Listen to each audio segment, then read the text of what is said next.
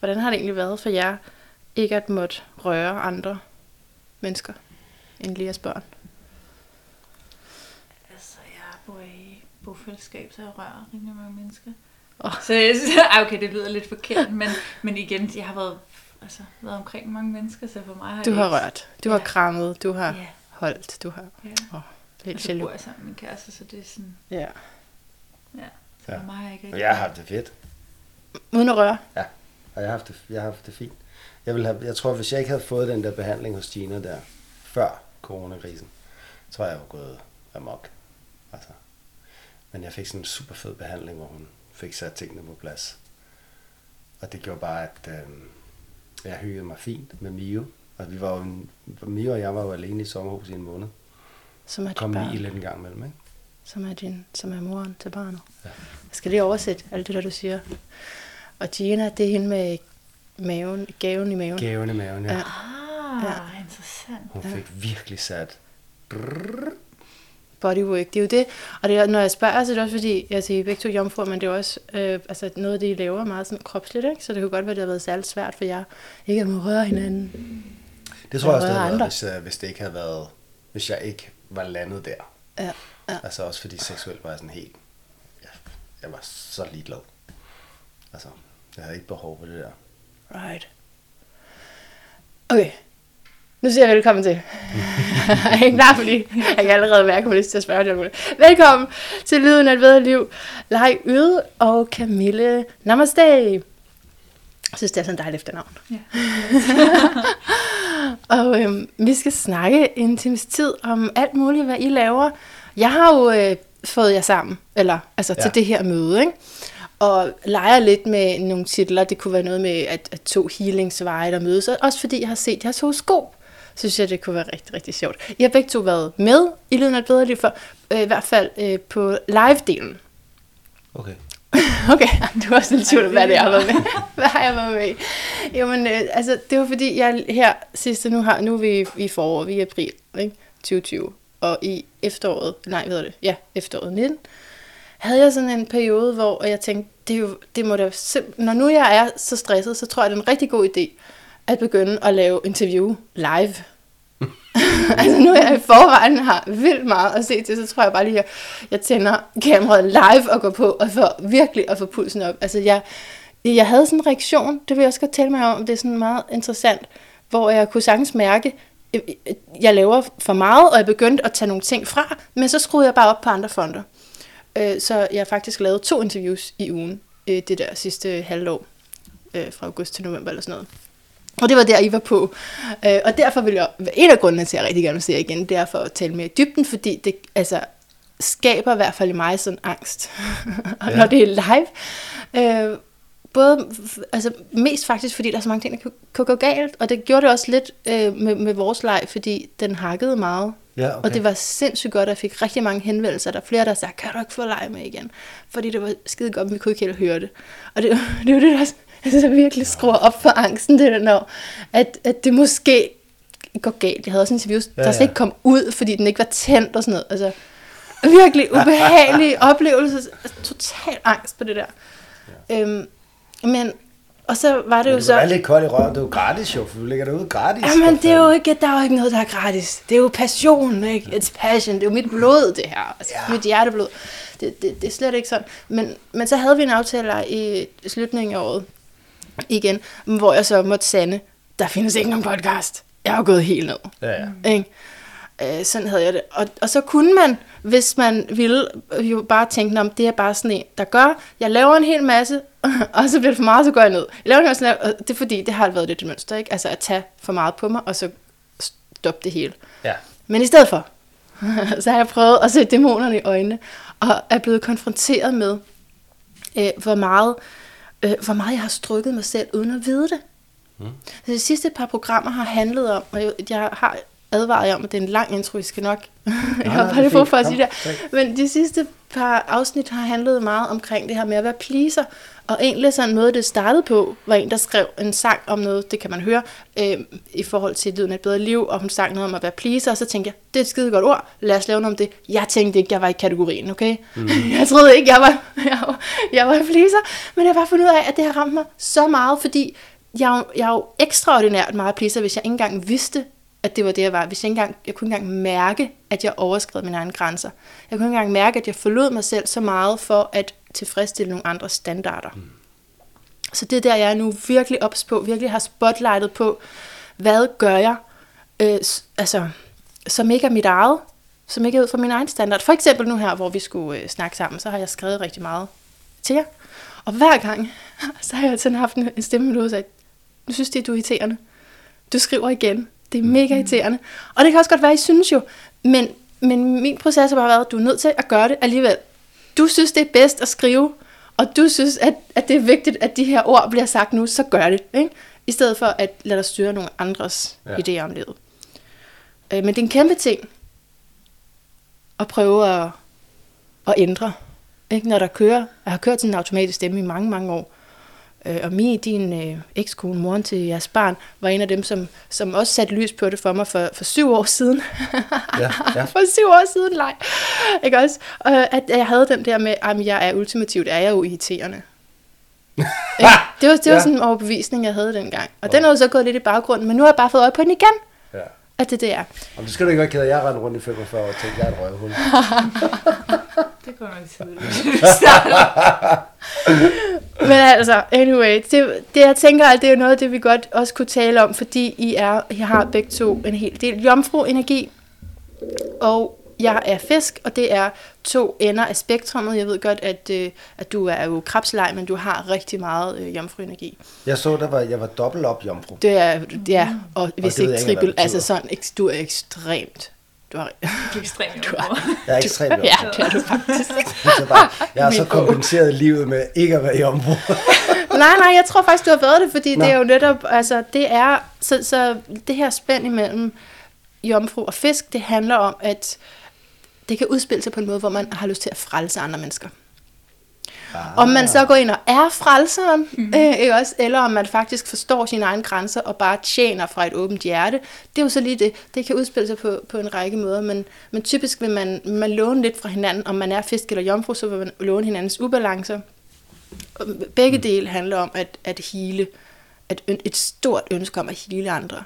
Men hvordan pokker gør man det, hvis man, hvis man er ude af sig selv? Ikke? Jo, jo, jo, jo.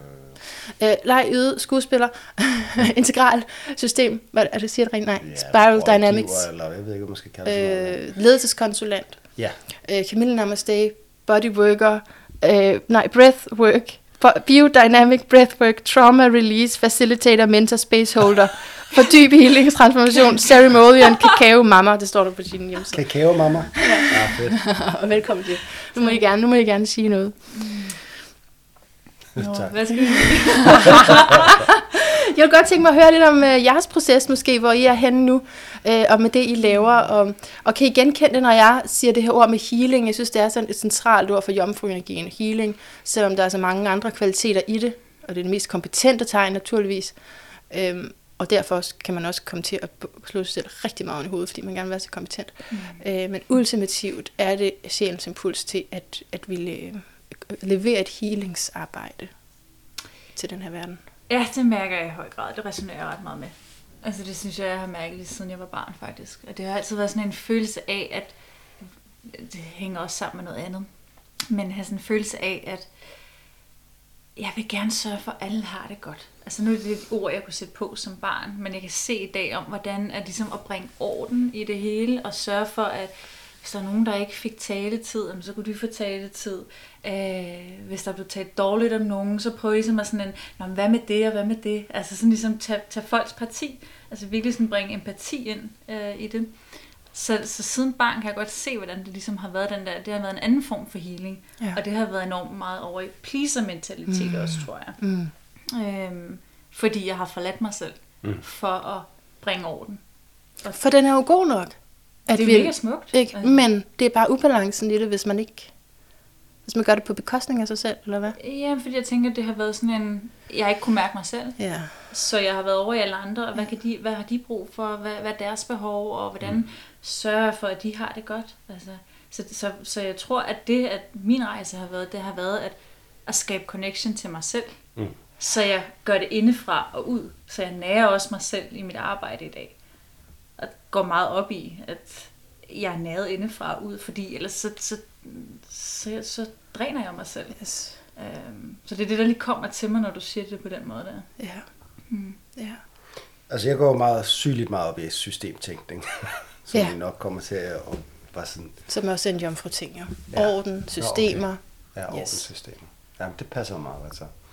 Øh, hvad hedder det? Nå, men jeg, jeg så har hørt et program øh, to, to timer omkring mænd og mandegrupper og udvikling og så. Og tre fuldstændig vidunderlige mænd, der sidder og snakker, og de, de var bare spot on. Problemet er, når man er så færdig med de der to timer, så flyver det hele rundt i sådan en små anekdoter-univers. Og derfor så, når du siger det der med, at jeg har været ude at plise, og jeg har været ude der, så vil jeg starte med at skelne mellem, at det dig individuelt, eller er det kollektivt i den bevidsthed, du vokser op i? Fordi hvis du vokser op i det postmoderne, det som jeg kalder grøn, ikke? altså hippie-universet, så er du opdraget kollektivt til at skulle tage dig af andre, og mindre af dig selv. Altså tilsidesætte egne behov for at please andre. Så det kan jo både komme individuelt fra i personlighedstypen, altså nu har du både det feminine, som har en tendens til at falde ud af sig selv og være hjælper pleaser typen det umodne feminin. Så har du personlighedstypen, hvis du så også er jomfru, eller Ja, ja, det ved jeg ja. så ikke, om du er. Jo, det er hun. Jamen, Det er Ja, du, ja, du, du er jomfru. Så er der måske også i din personlighedstype en tendens til at være ude i andre mm. og sørge for, at alle har det. Hvis du tager enagrammet, vil det være toeren Ja, eller ja, nieren, ja, præcis. som Ja. vil være derude. Ikke? Jo. Og hvis du så samtidig er vokset op i et hippie-univers, som siger, ej, du, du skal ikke være så egoistisk, du skal dele med andre, du må ikke ej, altså, du skal være derude og sørge for, at alle har det godt og taler pænt og hele den her. Så har du faktisk tredobbelt op på pleaser. Og jeg ved ikke, hvordan du vokser op, men altså, og jeg tror, det er vigtigt, når man tager de her personlige samtaler, at man ligesom kommer med sin personlige historie og deler, det har jeg slået med, det er sådan, men så begynder man undervejs at redde trådene ud og forstå det lidt mere systemisk. For ellers så kan vi sidde og snakke sammen en time, vi har fortalt vores individuelle historier, og så sidder man bagefter, det var fandme spændende, jeg var virkelig underholdt. Men hvad så nu? Jamen altså, jeg synes jo også, altså det er jo det, astrologien også gør for mig, den der, sy- at helt klart, så man kan kategorisere det og sige, det er derfor, ikke? Præcis. Og der, Årsagsforklare det. Åh, oh, men det er jo også svært, ikke? Altså, det er lidt mere komplekst, tænker Jo, jeg også. helt klart. Det er meget Så hvad er det, komplekst. du tænker, der, er- der er behov for? At Ja. finde, finde årsagen, eller hvad? jamen at forstå, hvor, hvordan, hvor gentagelserne kommer fra. Mm-hmm. Er det det feminine? Er det, det øh, din personlighedstype? Er det stjernetegnet? Eller typen? Mm. Eller er det det univers, du befinder i? Nu bor du i fællesskab, kollektiv osv. Kan det også være, at det er der, hvor, det er, hvor at det, det postmoderne har en tendens til at være derude og skal lære at tage energien hjem. Mm. Og der synes jeg, det er meget væsentligt at skille, er det individuelt eller er det kollektiv? Eller er det begge dele? Mm. Er I med? Mm-hmm. Mm-hmm. Kigger på mig på en meget speciel måde. Jamen, jeg lytter. ja, okay. Ja. Jeg prøver bare at lade være at sige noget. Okay. så er jeg ikke alt for irriterende. Nej. Nej, det er måske det, du skal. Du skal virkelig ind nu. ja. Nej, men jeg tror helt klart, det er, det er altså begge dele, og jeg ser jo astrologien, de her planeter, som dem, der gør, at vi har de forskellige øh, personligheder, ikke også? Hvor vi kan kategoriseres efter at være 1 og 9 og 2 og... Men, men, jeg, men jeg er vild med forskellige systemiske måder at tænke på det også, fordi så man også lige får altså, en armslængde, okay, det er ikke... Altså, man kan også blive enormt... Øh, altså den der følelse af at være skyldig, den talte vi også sidste, om, øh, Ja. sidste gang om ikke? øh, hvis, hvis det sådan er meget personligt, så, så lige at se lidt ovenfra, ikke? Gå ud til de ydre planeter, se det ovenfra. okay. Jeg ved ikke en skid om de her planeter der, men jeg er meget Det ved nysgerrig. heller ikke noget. Nej, det er godt. Altså, jeg kender kun astrologien, fordi vi snakker om det sidste gang, vi mødtes. Og så har jeg læst de der klummer i, øh, i damebladet. Ja, hold op bare- det. Hold op med det. Hold op med det, det. det har jeg ja. det er slet ikke, jeg mener. Altså, altså jeg ved jeg en lille smule mere, men jeg har kun dyrket krabsen. Ja. Altså, det var, fordi det var det eneste, jeg vidste. Og jeg troede faktisk, jeg var stenbuk i ascendant Ja, i mange år. Men, uh, det, var du så ikke. Men, Nej, men med I- hensyn til, der, der, der er noget interessant, synes jeg, i forhold til, nu sidder vi her efter coronatiden, og, og der sker noget kollektivt. Altså, så hvor, altså, hvis man skal snakke sammen i en time, og man skal andre til at lytte på den time, så synes jeg, at man skal prøve at få sin personlige historie til at resonere i forhold til, hvad der foregår i tiden. Og øh, nu, hvis, altså alle dem, jeg har snakket med, de har alle været sendt hjem i en måned, ikke? Og man har stort set ikke været savnet. Altså, det er kun sygeplejersker og øh, skraldemænd, øh, der har været savnet, ikke? Resten af os har jo faktisk været sendt hjem i næsten fem uger. Skolelærer har også været savnet. Pædagoger. Ja, det var, jo altså, ja, det selvfølgelig har det det, men, men, men, men der er bare et eller andet interessant i tiden omkring, hvad nu? Ja. Hvad skal der ske nu? Ja. Ikke? Og hvor Ja. ja. den personlige udvikling, altså øjet for den personlige udvikling, skal for første gang tjene sit formål. Nemlig, at du udvikler dig som person for at tjene verden. Right. Og hvor i den her postmoderne øh, univers, som vi meget befinder os i, når vi snakker selvudvikling og spiritualitet og, og alt det her, der, der kommer du ind i det her univers, som for første gang virkelig, eller ikke for første gang, det er mange gange siden ungdomsoprøret, virkelig har sat forståen for døren og sagt, godt, nu har I pillet jer i navlen længe nok, nu skal der ske noget. Nu skal I have en fysisk manifestation af alt det, I har arbejdet på. Fordi derude, i det politiske system, i det økonomiske øh, system, i det nationalistiske system, der går tingene amok. Mm. Så der er på et eller andet tidspunkt sådan et, et tidspunkt, hvor man siger, nej, fint nok med at pille herinde, nu skal det have sit udbytte. Og det er jeg sygeligt optaget af, at få hele den massive klump af vidunderlige, skønne, selvudviklende, spirituelle mennesker, men få dem i gang med at sige, okay godt, hvad gør vi så? Konkret. Hvordan får vi lavet en adfærdsændring hos flere end os selv? Hvordan får vi lavet nogle strukturer og systemer, så vi kan påvirke det politiske og økonomiske system? Så noget, I jo har til fælles, det er, at I ønsker at skabe mere bevidsthed. Ja. Du kalder det awareness, Camilla, ikke? Og, øh, og ser I så det her corona, nu siger du, vi er efter, men vi, det er også lidt svært at bestemme, om vi er efter, eller hvad vi er. Men der er i hvert fald der er noget, der er, der er, det ændrer sig hele tiden. Men, men ser I det som et, et skift i bevidstheden? Det kan det i hvert fald være. Jeg tænker, at vi i hvert fald er blevet givet muligheden for at kunne kigge mere ind af, fordi vi har ligesom, måske har vi levet et travlt liv, og lige nu, så har vi blevet sendt hjem. Mm-hmm. Vi har ikke kunne lave, altså vi skulle være sammen med vores familie. Vi har, altså, jeg tænker, at det, det er nogle af de dybeste triggers, i hvert fald hvis jeg ser på min eget liv af. Den, der kan dybest trigge mig, det er min søn. Og ham har jeg været rigtig meget sammen med. Øhm, så, så jeg tænker det her med, at vi har skrællet rigtig meget af vores aktivitet væk, og har måske kunne mærke os selv i højere grad. Så om det er et skift i en bevidsthed, det ved jeg ikke, men jeg tænker i hvert fald, at vi har haft muligheden for det. Og det tror jeg rigtig mange har, øh, har kunne mærke, altså på hver deres måde. Jeg vil rigtig gerne tale om de der triggers der. Ja. Kender du til det, Lej? Ja, for fanden. Hvad bliver du triggeret af? Nej, nej, men det, det, jeg elsker det. Det er jo fucking, altså som skuespiller har man jo opdraget med trigger, ikke? Altså, Nå, okay. Der hedder det bare sprækker. Okay. Dine sprækker? Energisprækker. Nå, det er simpelthen sprækker i karakteren, som gør, at det er en interessant karakter at kigge på. Hvis der ikke er nogen sprækker i karakteren, så bliver det en endimensionel karakter. Hvis, det, hvis der er sprækker, det trigger, og det er blikket ind i sjælen, som karakteren er ubevidst om. Okay, så Camille, kan du bare lige beskrive kort, eller definere, hvad er en trigger?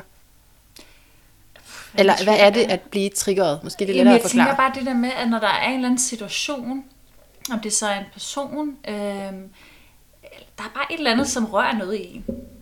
En trigger. En følelsesmæssig trigger. For mig har det meget handlet om i den her coronatid, om at jeg blev trigget på noget meget, meget dybt ind i mig selv. Noget, som stammer helt tilbage fra min barndom. Øh, som er noget uforløst i mig. Nogle, nogle udviklingstraumer, som jeg har med mig.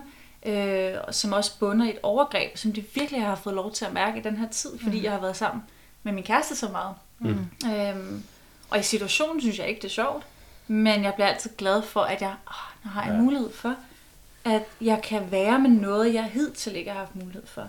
Så jeg ser det som uforløste øh, traumer, følelser, som ligesom ligger under overfladen. Og er der en eller anden situation, som spejler det, det kommer op til overfladen. Så er der noget, man ikke kan kontrollere? Er det ikke også det, der Mm, ligger det i kan det? det vel godt være, men, men jeg tænker også, at det er derfor, det har så været så dejligt en tid, at vi har haft så meget tid til os selv, Ja. så vi har kunne være med det, så der ikke er alt muligt, der kan øh, arbejde, der, der går ind og forstyrrer, mm. og øh, venskaber, fordi man er sammen med folk. Øh, ja.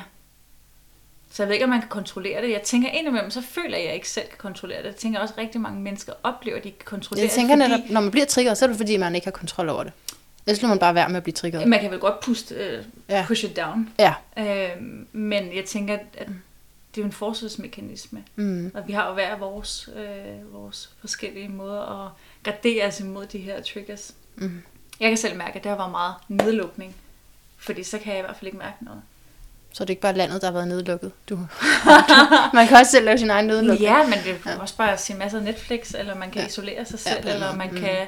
Øh, ja, det ved ikke, der er jeg tænker, det er ikke et problem at finde ud af, hvad det er ens egne forsvarsmekanismer er. Hvad er det, Mm. man gør egentlig, som, som er uhensigtsmæssigt. Mm. Øhm, for egentlig ikke at kunne mærke sig selv, hvad er det, man tyr til.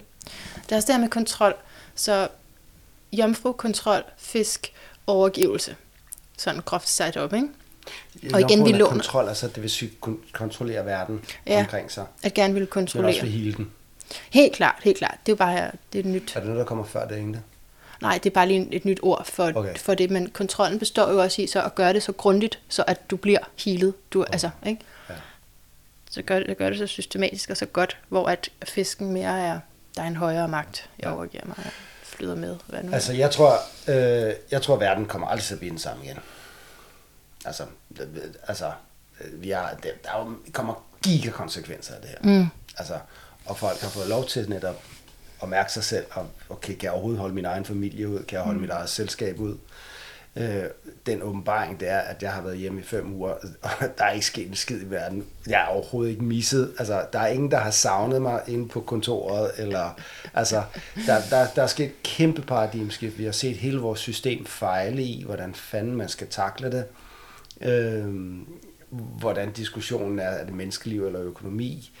Så jeg tror, der, der, der sker et kæmpe paradigmskift. Og jeg ved ikke, hvordan planeterne står. Men, Ja, ja, ja. men, men, men der, at jeg kunne forstå også med månen og den her april videre, at, at det kommer aldrig til at, at blive det samme.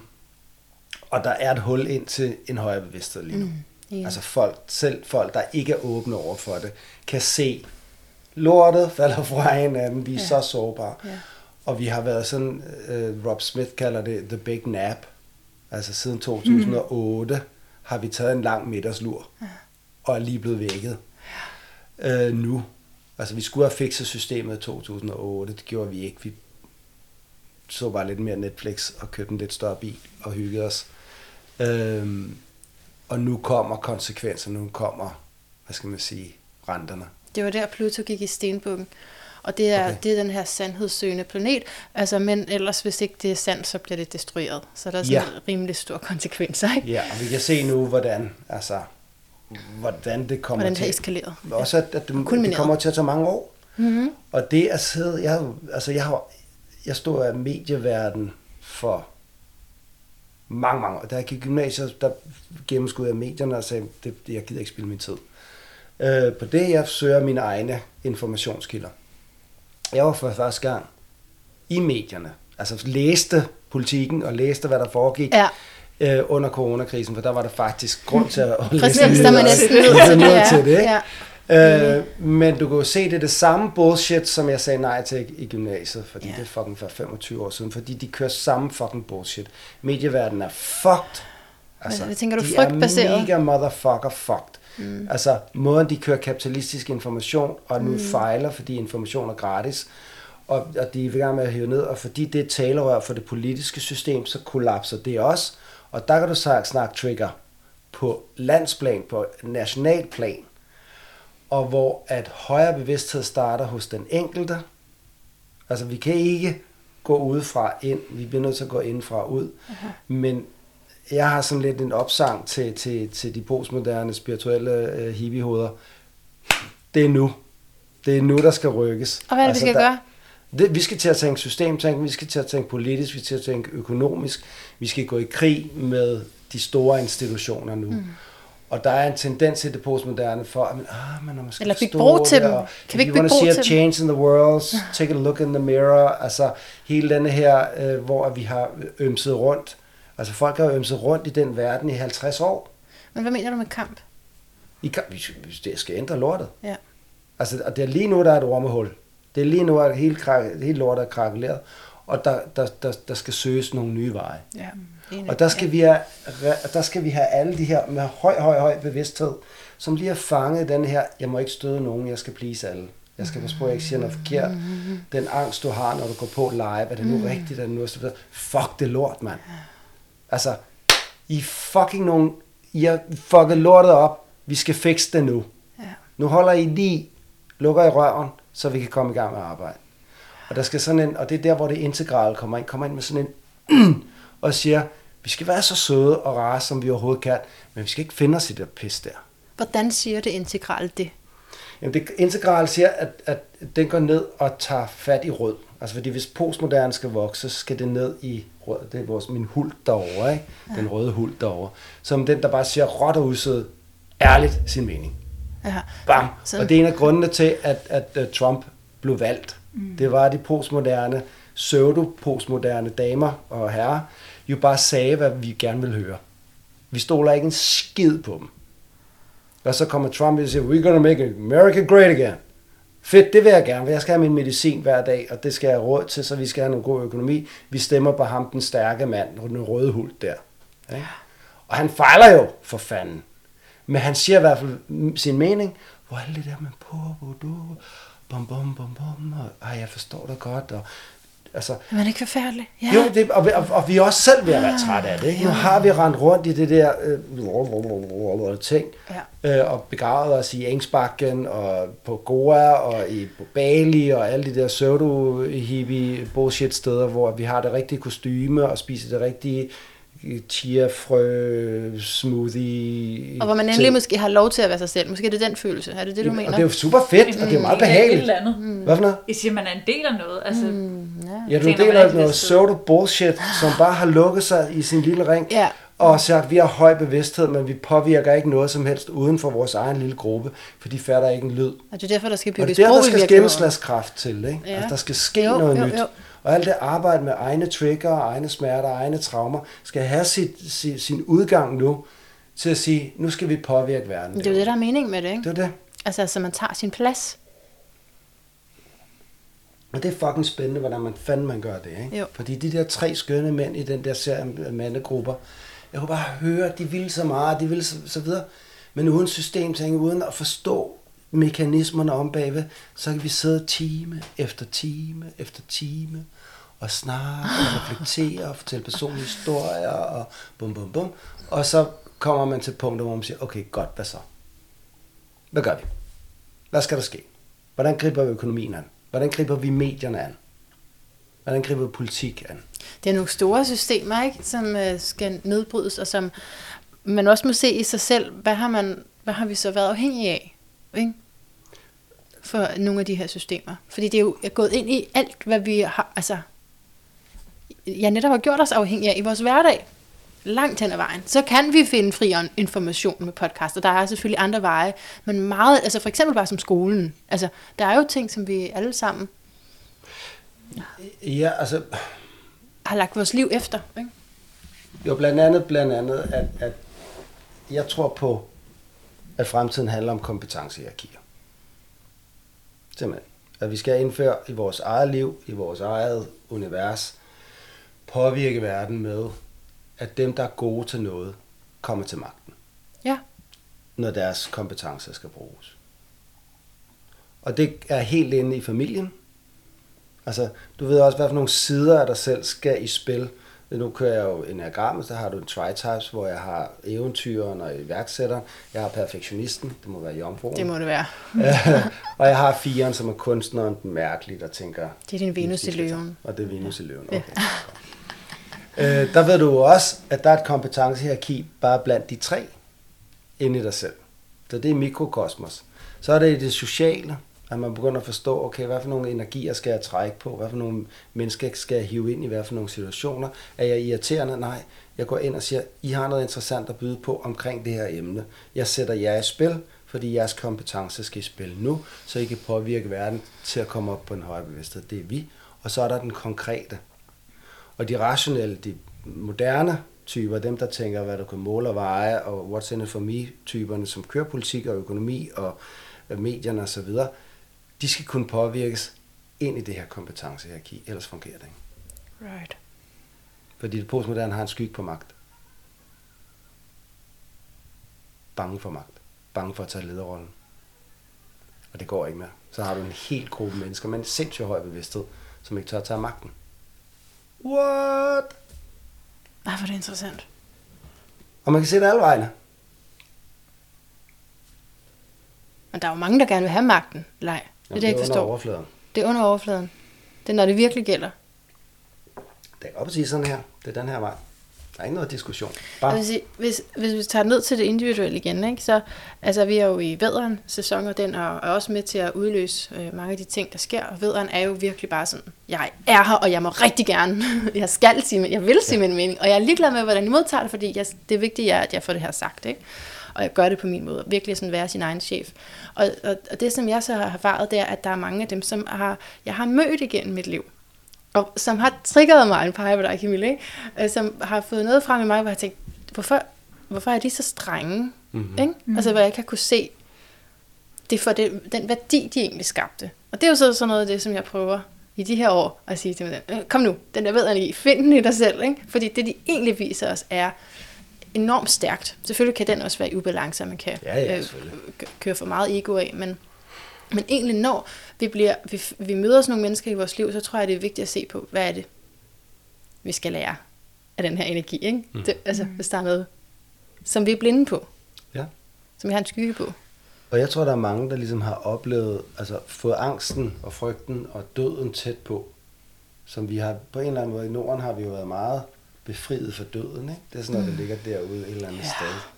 Og hvor vi bare sådan, er det kaffe latte med, eller en chai latte med sojamælk eller havremælk. Øh, altså, det har været vores store problematik i livet, ikke?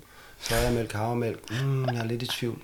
Altså, øh, hvor ja. at nu er, er tingene rykket tæt på, og, og, og banaliteterne begynder ligesom at vise sit tydelige ansigt. Ikke? Jeg er enormt taknemmelig for, at I to eksisterer. Det tænkte jeg på vej hen, så tænkte jeg, hvor er det dejligt, fordi I- altså meget er jo minder om folk. Jeg kan huske, og jeg kan se jer på de sociale og sådan noget, men tænk, I er her, og at I ikke er døde, og I ikke er blevet udslettet Ja, endnu. vi har været meget heldige mm. med den her virus, ikke?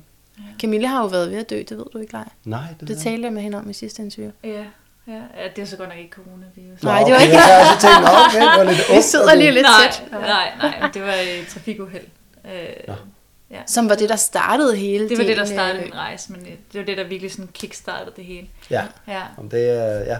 Så du har skulle forholde dig til døden, jo. ja jeg tror også, at jeg ikke rigtig er så bange for det. Mm. Altså, Ja. jeg føler, at jeg kan sådan embrace det ret godt. Ja. Altså, det, selvfølgelig, jeg ved jo aldrig, hvad der vil ske, hvis jeg fik konstateret en eller anden sygdom eller et eller andet, så ville det godt være, at det ville komme, men Ja. nu må jeg bare føle mig egentlig sådan ret øh, grounded Du er blevet guidet derhen, hvor du virkelig lever for det, der er vigtigt for dig. Altså, Det føler jeg, ja. ja. ja. Men skete der ikke noget andet, når du fik barn? Åh, oh, for helvede. jeg, var, jeg, havde virkelig, jeg havde virkelig vendt mig til døden og sagt, om det er fedt og ud på og så videre. Og så kommer Mio. ja. Hvor gammel er han nu? Han er 8. Han er 8. Jeg har også en ord på, på 3,5. Hvor gammel er Ja. din? Jamen, han bliver 6 Han bliver til september. Ja. ja, det kan jeg også godt mærke. Men jeg tror også, det er det her med, for mig, altså nu er det ikke kun det med døden, og hvad hvis man mister, sin, mister sit barn eller noget, men jeg tror også sådan ren øh, kropsligt, og det er også det, jeg arbejder med, det er, at når, et, når en kvinde skal føde et barn, Mm. at skulle skabe passage igennem sit rodchakra til et barn. Jeg tror oh. virkelig, at det fik skabt åbning for noget ind i mig, fordi jeg kom i kontakt med, med nogle meget dybe traumer omkring overgreb i, oh. i den forbindelse. Øh, for jeg tænker, jeg har jo holdt sammen sådan, Ja, ja, i mit rodchakra Ja, i så mange år. Og det var en pisse svær fødsel. Jeg tænker, der er en grund til, at, jeg, at min fødsel varede var det 45 timer eller sådan. What? Det var virkelig, det var Shit, virkelig mand. en hård omgang. Ikke at sove og sådan noget. Men, men, men det her med at gå ud og holde på ting, altså det er også Ja. det, som vi måske kommer i kontakt med nu her, det er alt det, der ligesom blokerer sig egentlig i at føle det, hvor travlt vi egentlig har. Det der med at kunne mærke sig selv, og sådan, altså... Ja, så jo, der skete helt sikkert Ah. noget Ja. dengang. At, øh, Jeg kan næsten ikke, jeg kan ikke tænke på andet end det der, du sagde med passage gennem et rodchakra. Det er godt nok. Fordi i det ligger der vel også, der er noget, der skal igennem min egen sikkerhed, min egen følelse af sikkerhed, og, og der er måske er der mindre af den til mig, eller ja, hvad Altså, ligger jeg, der det? både holdt, jeg gik jo og holdt sammen med min seksualitet i mange ja. år, og var super blokeret. Og i og med, at der så skal et barn igennem, og det igen, mm. vi lærer jo alting i kroppen. Mm. Det, altså, body-mind hænger jo sammen. Nå, det er meget sjovt, fordi jeg ved ikke, det kan godt være, det er, Er det totalt, totalt malplaceret, fordi jeg var inde og høre, for, fordi jeg har været inde i det der tantriske univers i mange, mange år, ikke? Øh, og så tilfældigvis, så er der en, en ny bølge, der kommer med det der TNT og New Tantra og sådan noget. Okay. Og som var mange, som jeg kendte, der ligesom hoppede på den der bølge, så var jeg inde og høre et foredrag med Alex Wartman, som jo bare var, han var en Shakespeare, han var naren fra Shakespeare, altså fantastisk med guldbukser og øh, solbriller på og foredrag, og jamen, det var helt, var en joke, men han sagde en ting, som bare sådan åbnede en helt ny verden for mig, det var, at jeg sagde, du kan jo slet ikke, du kan slet ikke sublimere energi, du kan slet ikke arbejde med energi, hvis dit røvhul er sådan et lille ting. Mm. Og så mærker jeg lige efter, så kunne jeg bare mærke, at mit røvhul var sådan et lille Okay, det forstår jeg ikke noget af. Skal det ikke, er det ikke meget godt, at, altså kniveøvelser og sådan noget, er det ikke? Nej, nej, fordi det er simpelthen en krampe, der har sat sig ind i. Så han var sådan, du skal, det skal bare whoop, op mig hjem og finde en gammel botplug frem, øh, rundt og øve mig, apropos med at åbne rådchakra, og jeg siger dig, alt det, jeg havde prøvet med sublimering og navli og alle de der øvelser, man har lavet, efter jeg fik åbnet røven, fuck, der skete ting, mand. Der Har det her sammenhæng med, at du starter med at sige, at du i 45 år har følt dig som et røvhul? Eller? Måske lidt. Det er meget godt husket Ja, det er. Hvad hedder det? Nej, nej, det handler, Nå, okay. nej, det handler, om, det handler om et forhold til kvinder, at, at øh, jeg fandt ud af, at hvis man var for sød, så kom man ingen vejen, så blev man bare Ah, så du er skidt gået på. over et andet spektrum, eller hvad? Men jeg har jo opdraget postmoderne, ikke? Jeg har opdraget til at være sød og forstående og lyttende og alt det der, og jeg blev bare kørt over af de der kvinder i, eller pigerne er det jo dengang, ikke? I sådan 7., Mm. 8., 9., 10. klasse, hvor man virkelig er sårbar, ikke? Mm. Og jeg fandt ud af, at hvis du var et dumt røvhul, så gik det meget bedre. Ja, nu bliver jeg lige nysgerrig på med horoskopet. Har du prøvet at frelse andre hele tiden? Altså det, det du har en Nej, ret klar jeg signatur vokset- af, at, jeg- at jeg- ville gøre, jeg at vokset hjælpe andre. Øh, nej, jeg har faktisk, jeg tror, jeg har sådan en dysfunktionel udgave af det, du Ja, snakker om. ja. Fordi jeg voksede op med en far, der plantede et øh, frø i mig om, at verden gik under. Ja. Altså, det er Ja. derfor, jeg er i send lige i øjeblikket med verden, der var tæt på at gå under. ja. Øh, men jeg er simpelthen vokset op med, at verden går under, og jeg skal redde verden. Yes. Ja. Og det, det er op til Det mig. er ansvaret. Altså, Ja. ja. Det kan godt være, der er 7 milliarder mennesker, men jeg har størstedelen af ansvaret for Ja. at redde den her verden, Ja, og det er det kan ret. kun gå for langsomt. Og det, der så skete, det var, at jeg blev nærmest lidt menneskefjendsk. Fordi jeg hele tiden var, kom nu, kom nu, prøv, kom nu i gang. Vi har en verden, vi skal redde. Ja. Og jeg har ikke tid til at sidde og fedt rundt der. Og en af grundene til, at jeg for eksempel ikke kunne holde ud at være skuespiller, det var rigtig meget af, af de ting, jeg var med i. Det havde sgu ikke rigtig noget indhold. Det havde ikke noget... Jeg synes ikke, det gav mig noget i forhold til at redde verden. Ja, ja, ja, ja, ja, ja. Så jeg var jo der, så jeg kunne heller ikke sidde på mine hænder. Jeg skulle begynde, og så det integrale system var jo netop bygget til at redde verden. Ikke? En højere bevidsthed, systemtænkning, til at kunne ændre de store systemer, så vi kan gå ind med økologi, og, eller ikke økologi, men 90% økologi, og man kunne ind og lave nye samfundsstrukturer, som kunne redde verden. Ikke? Øh, men nu er jeg begyndt at slappe lidt af. Efter jeg fik, apropos, fordi det har været et traume for mig. Så Ikke? du har fået børn. Børn. Hvad for noget? Efter du har fået børn. Nej, det har været helt Nej, nå, okay, jeg nej, det var det, du nej, talte om. nej, Det blev bare endnu værre, da jeg fik børn. Ja. Altså, det endnu værre. Ja. Endnu værre. Altså, det var først, da jeg fik den der uh, Gina-behandling, Nå, ja, okay. at, at jeg sådan ligesom blum, blum, bum. Altså selv da, fordi jeg har haft nogle meget spirituelle oplevelser, hvor at jeg oplevede min sjæl, og at min sjæl var udødelig, og hvorfor vi er sat på den her jord, er netop med prøvelserne. Det er ikke at være i lyset og komme ned i mørket, og, og kunne i kroppen vende, altså opleve både lys og mørke. Og jeg, altså, selvom jeg havde den her spirituelle fornemmelse af, af sjælen og, og prøvelserne, så havde jeg stadig sådan en politisk, kom nu for Ja, fanden, selvfølgelig. ikke? selvfølgelig.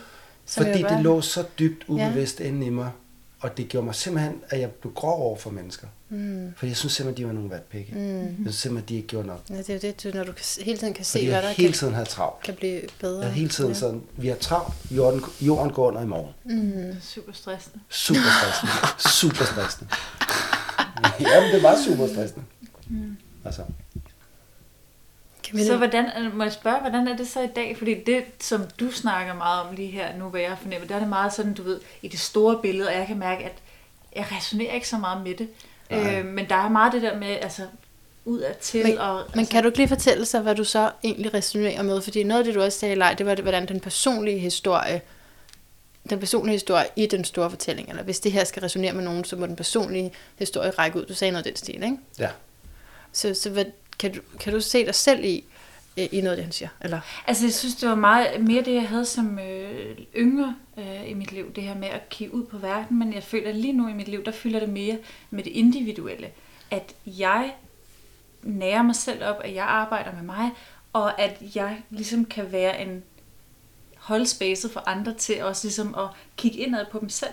Jeg føler, jeg har nok i at Ja, ja. kigge på de individuelle, Mm. altså at, at tage det der meget nært. Så Det hvordan... bliver meget stort, og jeg kan mærke, at jeg spacer nogle gange ud, hvis jeg går ud i... i øh, Og det er det der med spacer ud, og det er simpelthen, når man ikke har systemtænkning nok til at kunne forstå, hvordan du kan tage det indre og få det ud af det ydre. Plus at vi er forskellige. Altså, okay, så det er din sandhed. Plus at vi er forskellige. Plus at vi er forskellige. Der skal jo Ja, være nogen, og der har... Jeg kan jo kun have min sandhed, og det er jo det, der er interessant, fordi det, Ja, og det, det, det det, er kampen med det, post, Ja. det er kampen med det postmoderne, det er at sige, når det er en projicering, og så smiler vi lidt og er høflige, og så har vi faktisk ikke modtaget den Nå, det- øh, besked, der kom fra den anden side. Jeg, jeg tænker, at, at du har en sandhed, vi skal have, men at alle ikke nødvendigvis skal tale sådan. Forstår du, hvad jeg mener? Ja, ja. Øh, ja.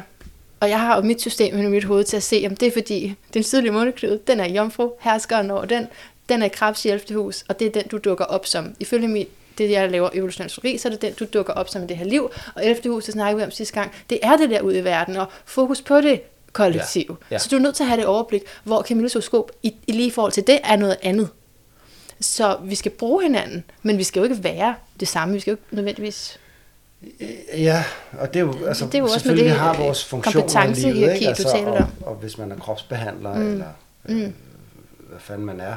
Men for eksempel tage breathwork, Ja. som jeg har lavet tons så meget af. Tror du, har, har I lavet det samme? Altså, er der, er, er der en genre? Kan du sige, hvad for en slags breathwork, du laver, Camilla? Biodynamic breathwork. Ja, altså kontinuerlig vejrtrækning, ikke? Ja. Jo. Øh, ja. Så det er det, du også har jo lavet? er det fedeste værktøj overhovedet. Mhm, okay. Altså, det, det åbner og renser og gør det hele, altså, og du kommer i forbindelse med, altså, det er jo faktisk kroppens egen DMT, ikke? Der, der vil altså, og det er det, der frigiver dig som individ. Men vi har altså tre andre kvadranter, Mm, okay. som vi skal dække i vores ja. liv. Fordi ellers, hvis vi kun dækker det ene livs, den ene livskvadrant, som er i mig, Mm. inde i mig, mit univers, så er der vi-univers, ikke? Hvad er relationerne til de andre? Og så er der det konkrete, konkrete hvad kan vi måle og veje, hvad kan der se? Og så er der det store globalisering. Og det vil være uinteressant at sidde her efter fem ugers corona, og ikke komme ud i den fjerde Klart. kvadrant, som Klart, det hedder var det, du siger. Ja, globalisering. helt klart. At en lille en, en flagermus i Wuhan kan påvirke vores liv så massivt. Og dermed jo også sagt, at det arbejde, den enkelte gør, har enorme konsekvenser. Det er det. Ja. Og du kan ikke arbejde for eksempel i kompetencehierarki, medmindre du arbejder med dit ego, og arbejder med dit trigger. Mm. Så det, alting hænger sammen, men der er, der er øh, hele universet i Danmark, København, som har det der mig, mig. Altså hele den her indre verden. Og det er fint. Ja. Det skal der være, fordi mm. vi har også dem, der kun er over på den anden side, hele tiden vender blikket ud. Det er jo det. Så måske ikke styr på det der. i at vide, hvornår vender man blikket indad, hvornår vender man blikket ud på sit nærmeste, Mhm. mm. hvornår vender man blikket mod systemet, det system, man lever i. Hvad skal vi leve af? Vi bliver sendt hjem. Hvad skal vi leve af? Men jeg føler, og jeg føler virkelig, at det, det er så centralt det der med at tage sin egen plads, altså at vide, hvem, hvem er det, der taler nu, nu hvor jeg taler, ikke? Eller er det bare en gammel programmering? Nå ja. Ikke? Ja. Så det, det, er jo, det er jo startskud, det er jo der, det starter. Hvis ikke engang du siger sandheden, hvis du bare siger det, du har fået overleveret, eller, så, så er det jo sådan, at man kommer ind sådan politisk, og man kan ikke f- skille sig selv fra flokken. Præcis. du ser helt fortabt ud. Nej, Nå, nej. nej, okay. Nej, jeg tror bare, det bliver så, øh, det bliver så stort. Altså, det er sådan, øh, fordi jeg synes også, det her med det globale, ja, men vi bliver nødt til at starte med os selv. Og jeg tænker også, det har en, en ripple-effekt. Jo, men hvor lang tid skal du så være i dit eget rum? Det, altså, jeg tænker, det skal du gå i. Men jeg bliver nødt til at spørge dig, hvornår, hvornår skete den der ulykke? Den skete i 2009. Starten af 2009. Okay, og så har du været i gang i 11 år. Altså, jeg har været i gang, siden jeg var født. Men ja. Åh oh, ja, så, med, med, den der, med den der rejse der, ja. Ja. Må jeg spørge, hvorfor spørger du? Øh, Fordi jeg bliver nysgerrig, fordi at jeg har sådan en følelse af, at du leder efter et eller andet. Nej, det er fordi, det, Nå. det er fordi hvis, hvis, hvis, hvis man har kørt et almindeligt liv, altså et almindeligt præmoderne eller moderne liv, som har været meget på ydersiden, meget på for, og man så vågner op, bliver skudt ind af, og du åbner hele det der liv, så skal man kraftedeme have noget tid til det. Mm-hmm. Så skal man ikke have en eller anden øh, øh, Du peger på dig selv. mig, der sidder ved siden af og siger, ej kom nu, nu skal du ud af den der verden og ud og tage dig af verden. Mm. Man skal have lov til at, at ligge og rode rundt derinde og finde ud af, hvordan fanden, fordi ellers kan man slet ikke tåle at komme ud i den af verden. Mm. Det, hvor jeg gerne vil sætte stolen lidt for døren, det er at sige, altså, hvor lang tid skal man være i den indre verden? Fordi ripple-effekten forstår jeg godt, men den skal jo så have lov til at, at Helt komme klart. derud af. Mm. Ikke? Så det var bare den der balance i forhold til, hvor lang tid man ligger derinde, og hvornår man kommer ud. Ja, man ligger der så længe, som man har brug for, tænker jeg. Ja, det tror jeg også. Ja. Men der er nogen, der har gjort det i 50 år. Ja. Om de så ligger derinde, det tror jeg ikke. Jeg tror stadig, de ligger udenfor. På en eller anden måde. Altså det der Men, med... men kan du se min pointe med, kan godt se din der, pointe. Kan at du møder du ikke dem, pointe? som ligesom hele tiden bare, der er helt sådan øh, der hele tiden sådan ligesom, øh, jamen, så er det den lille, altså hele den her, ikke introverthed, for du kan have enormt meget mm. effektivitet som introvert, men det er mere det her med, at man fedter rundt i det. På et tidspunkt, der var allerdybest nede i min krise, der tog jeg til, der var snart med en, som sagde, du er sexafhængig, leg. Det er det, du er. Nå, det, det føler jeg mig ikke som, men fair nok. Hvor jeg tager sådan, til sådan et sexafhængighedsmøde der. Og så satte jeg mig, øh, og jeg kom der tre gange, og det var en kæmpe oplevelse for mig. Fordi, åh kæft, folk var langt ude, mand. Shit, det var, det var vildt, ikke? Følte du dig som en af dem? Nej, nej, nej. Altså, jeg, jeg kan godt se, at det, hvis, hvis jeg går i noget usundt, så har det været det. Okay. Altså, så, det ikke har været alkohol eller coke eller overarbejde, eller det har ikke været noget. Så har det været sådan, åh, oh, fuck det, jeg skal bare have noget mm, Ja. sex, ikke? Øh, så det kunne jeg sagtens se, men jeg har ikke, altså, det var, der var åbenbart, der var porno, og der var øh, dating, der var kærlighed, der var flirtafhængig, der var mange forskellige måder. Og folk havde ødelagt deres liv på det. Altså virkelig ødelagt. Øh, men det, der slog mig ved det, det var at sige, ja, hej, jeg hedder det det. Jeg har været her i 12 år. Hmm. Eller øh, 18 år. Eller 25 år. Og så er jeg sådan lidt, okay, er I sikre på, at det her behøver at være en livsvarig tilstand, I har sat jer i? Eller er I endt med at sidde og repetere Ja. ja. det mm. samme igen og igen og igen? Jeg har en afhængighed.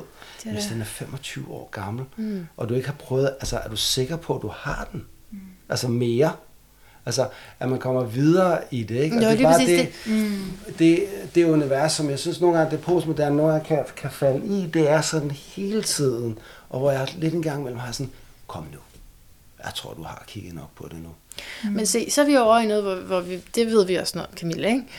det, ja, det gør, vi. ja, det gør vi. Fordi det, det har du skrevet til mig om, altså med det her med conditioning, ikke? Mm. Netop det der med at gentage sine mønstre, og så at vågne op til, det kan jeg jo faktisk godt lave om på.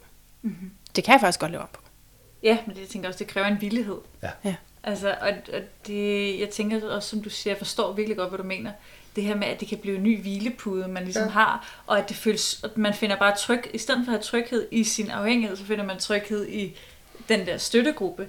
Øhm, og jeg tænker også, at det er fordi, at verden måske også skal begynde at forstå, at vi kan ikke kun have sindet med, vi bliver også nødt til at have kroppen med. Fordi igen, hvis vi har traumer, jeg tænker, man bliver ikke afhængig, hvis man ikke også har et eller andet, der ligger dybt nede, som man har brug for at lægge en dæmper på. Øhm, så vi er nødt til at arbejde med vores nervesystem også. Og det er der, hvor jeg også tænker, at conditioning spiller ind. Jeg kunne godt tænke mig lige at spørge dig til, til de her fem karaktertyper. Mm-hmm. Ja, det vil jeg også gerne. Det er jeg. Så altså, forstyrrelser, de fem karaktertyper kan inddeles i, har jeg skrevet i mine noter. Mm-hmm. Hvad er det der? Jamen, det er fordi, jeg arbejder med breathwork og med traumeforløsning. Og man kan så sige igen, der er jo de her store traumer, som vi også snakkede om i går. Der er de store traumer, hvor det er decideret chok og et decideret episode, hvor man kan sige, okay, der, ligesom jeg har en trafikulykke, der ligesom sat gang i noget i mig. Men vi har jo også, hvad kan man sige, de første syv år af vores liv meget groft sagt. Ja. Mm. Øhm, og jeg vil også godt sige, at når jeg siger de her ting, så er det meget generaliserende. Ja. Vi kan jo snakke om det her i timevis, og det tænker jeg også, at det kan du også godt. Mhm. Du kan godt snakke om dine ting i timevis.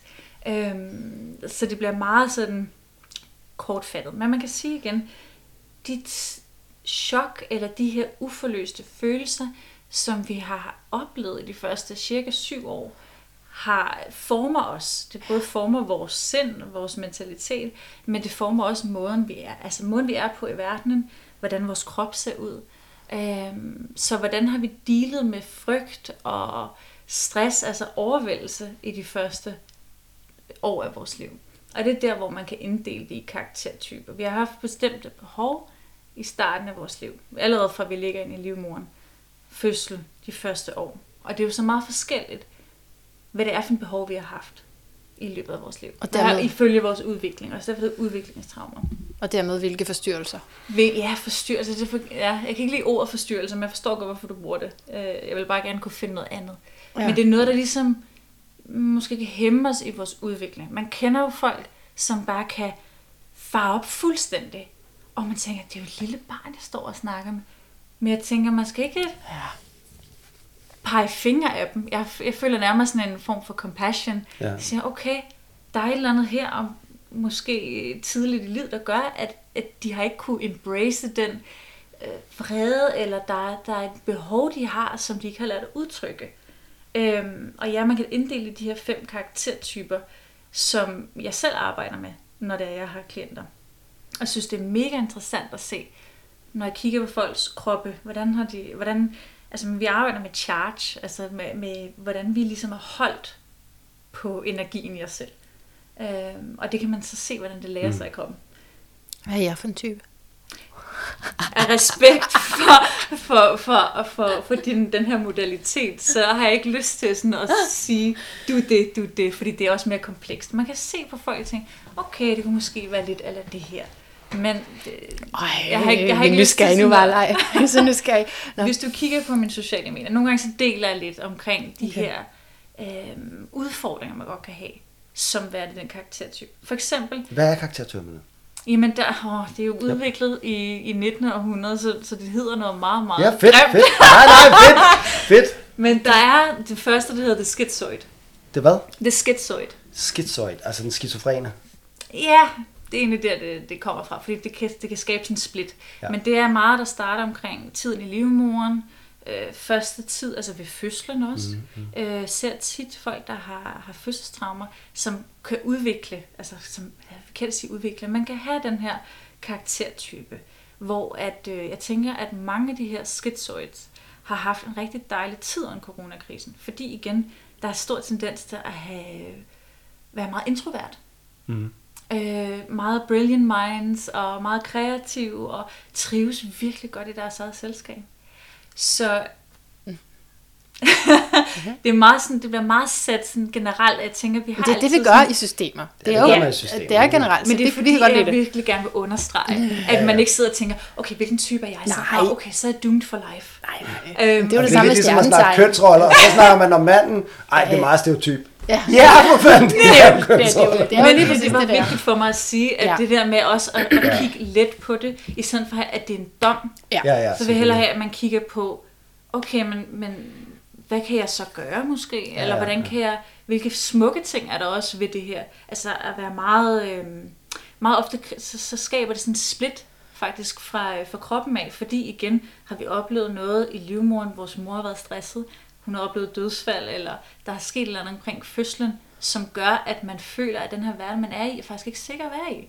Jamen, det, jeg, det var det, Gina snakkede mig om. Jeg, jeg, jeg, man laver en skodeliste, og, Ja. og, og øh, der fandt hun ud af, der spørger hun med kinetologi, og hun fandt ud af, at, at jeg havde traume på 10.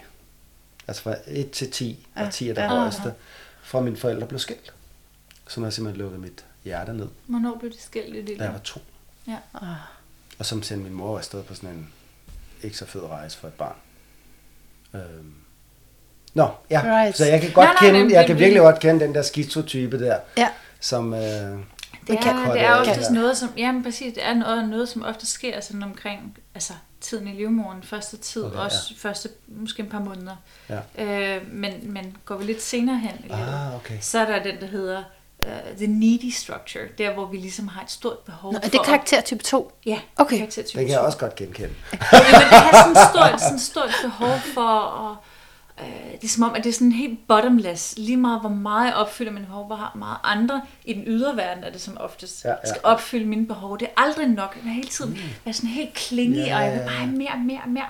Så jeg tror, at har man været, altså er man dominant oral structure, needy structure, så tror jeg, man har haft det svært i den her tid, hvor man ikke kunne røre andre mennesker. Ja. Den der, og det er typisk den, de, de mennesker, som har en tendens til at skulle proppe ting ind i munden. Altså, Nå, okay, oral- så har jeg den. Så er det mig. Det er også der, Det det igen også. det, det, det udvikler sig den tid, hvor at, at vi ligesom har et stort oralt behov. Vi vil Ja, gerne ja. amme eller have, have flaske. Mm. Øh, vi vil også gerne have, have Oh, nej, kontakt. nu kommer vi snart til det anale niveau. Det, Nej. Don't go there. Er det det?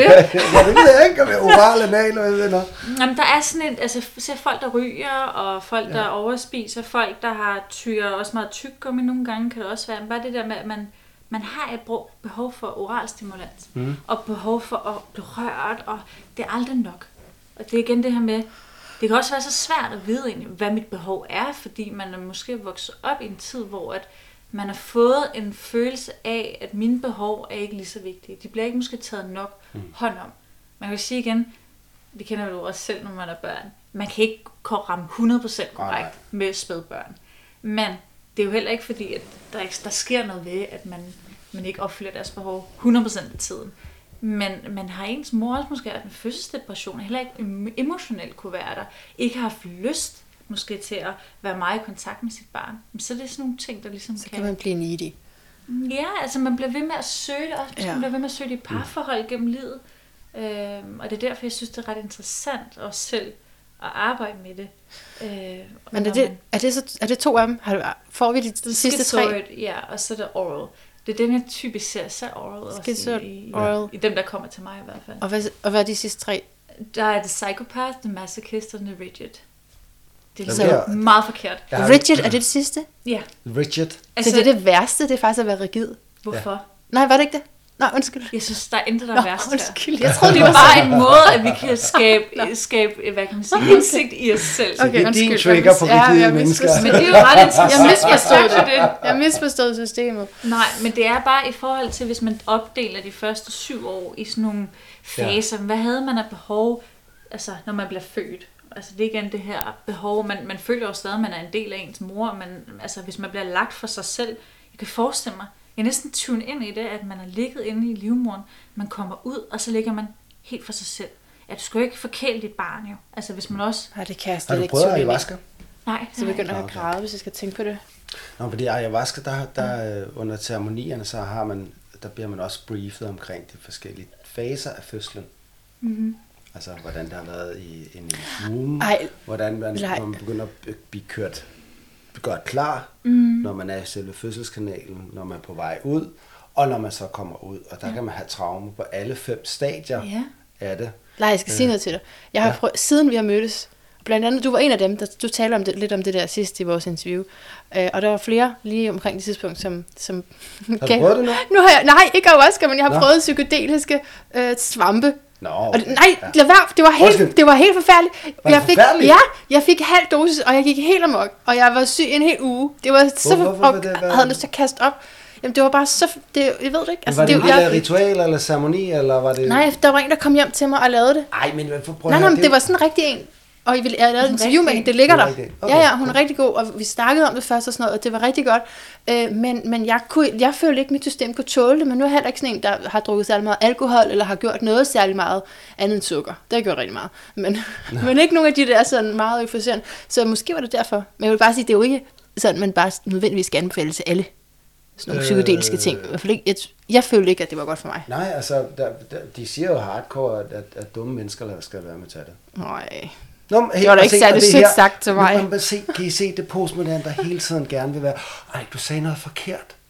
Men altså, hvis du er fucking neurotisk, og du så, det var Dumme problemet med, med hele lortet, det var, at, at, at de, de første forsøg med DMT, det var soldater, der var nede i en kælder i et laboratorium, der fik DMT. Altså, vi ved, vi ved latterligt meget mere om det nu. Men, altså, tager du svampe på øh, Roskilde Festivalen, så er der lidt, jeg prøvede det på Borland, hvor jeg også fik, hvor min arm begyndte at bevæge sig af sig selv og sådan noget. Øh, knap så behageligt, men, men selv de ubehagelige oplevelser. Jeg blev bare syg. Min krop blev syg. Okay, det, jeg, ved ikke, jeg ved ikke nok om det til at, at, at rådgive dig i det der. Men svampe er også noget, Det håbede jeg svampe er noget lidt andet, for du kan ikke rigtig vide, hvor stor dosis der er. Du kan spise ja. fire svampe, øh, og så trippe i 6 timer, der har jeg prøvet, og så kan du spise 25 svampe, og så sidde og føle, at der sker ingen skid. Så det er lidt svært med svampe. Men det er ikke så meget det, fordi hvis du ikke er klar til det, hvis du ikke er klar til det, så skal du bare lade være jo. Altså, der, og Jeg jeg, er meget jeg til at lytte til at sige, hvor jeg er henne i mit liv. Men, der, øh, men du har sådan ligesom delt grupperne op i to. Du har de anti-stof ting, og det, jeg voksede op med en far, Nå, som virkelig sagde, du skal lade være med det der. Nå. Kundalini og alle de der stoffer og sådan noget. Så jeg har aldrig rørt det. Første gang jeg prøvede det, det var som 38 år i var coke. Altså, Lige på hårdt. Altså, det var, nøj, altså, det prøvede jeg et par gange, det var ligegyldigt. Altså, det var fuldstændig ligegyldigt. Så har jeg prøvet svampe rigtig meget, Okay. øh, som under sådan meget trygge omstændigheder, og så er det først nu, jeg er begyndt at, og jeg har ikke tur LSD endnu. Fordi det er et helt andet, mere metallisk øh, univers, eller hvad hedder det. Du bliver skudt hurtigere og større ind i det. Men hvor ayahuascaen er, er blid, Altså, du kan godt uh, blive oplevet at spise der orme. Og Vi skal vel ikke alle sammen og- gøre det, og vel? Altså, Ja, nu vil du- spørger, du, hvis du spørger om min holdning, faktisk jo, dig, så spørger. når du er parat, så gør det. Fordi, Jeg tænker også, at jeg skal kalde på en. Også især fordi, hvis vi går ind og kigger på, at det er planter, og så kalder den spirit på dig. 100 procent. Og, men der er en mulighed, og det er der, hvor Ken Wilber er ret smart, for han snakker states og stages. Ken Wilber, det er ham, du tager udgangspunkt Det er i min, med... min fucking... Ja, guru. Bare sig det, guru. ja, jeg er lige det til guruer på Facebook. uh, hvad hedder det? Um, nej, men states er de tilstande, du kommer ind i under påvirkelse af stoffet.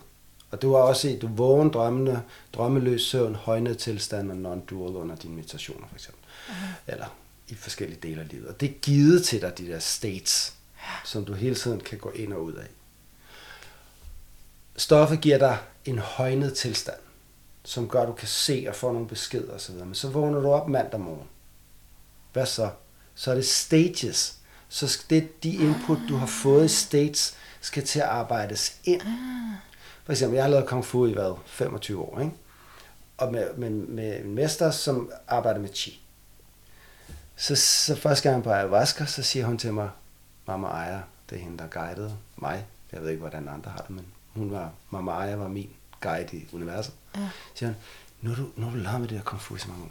Lad mig lige vise dig chi.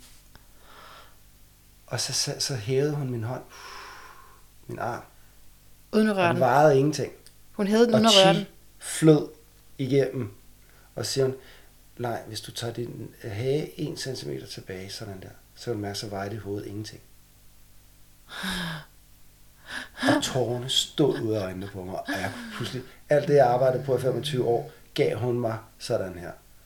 Og lige pludselig havde jeg den her oplevelse, gud, det er chi, det er sådan her chi er. Nu forstår jeg det fuldstændig, vågner op med morgen.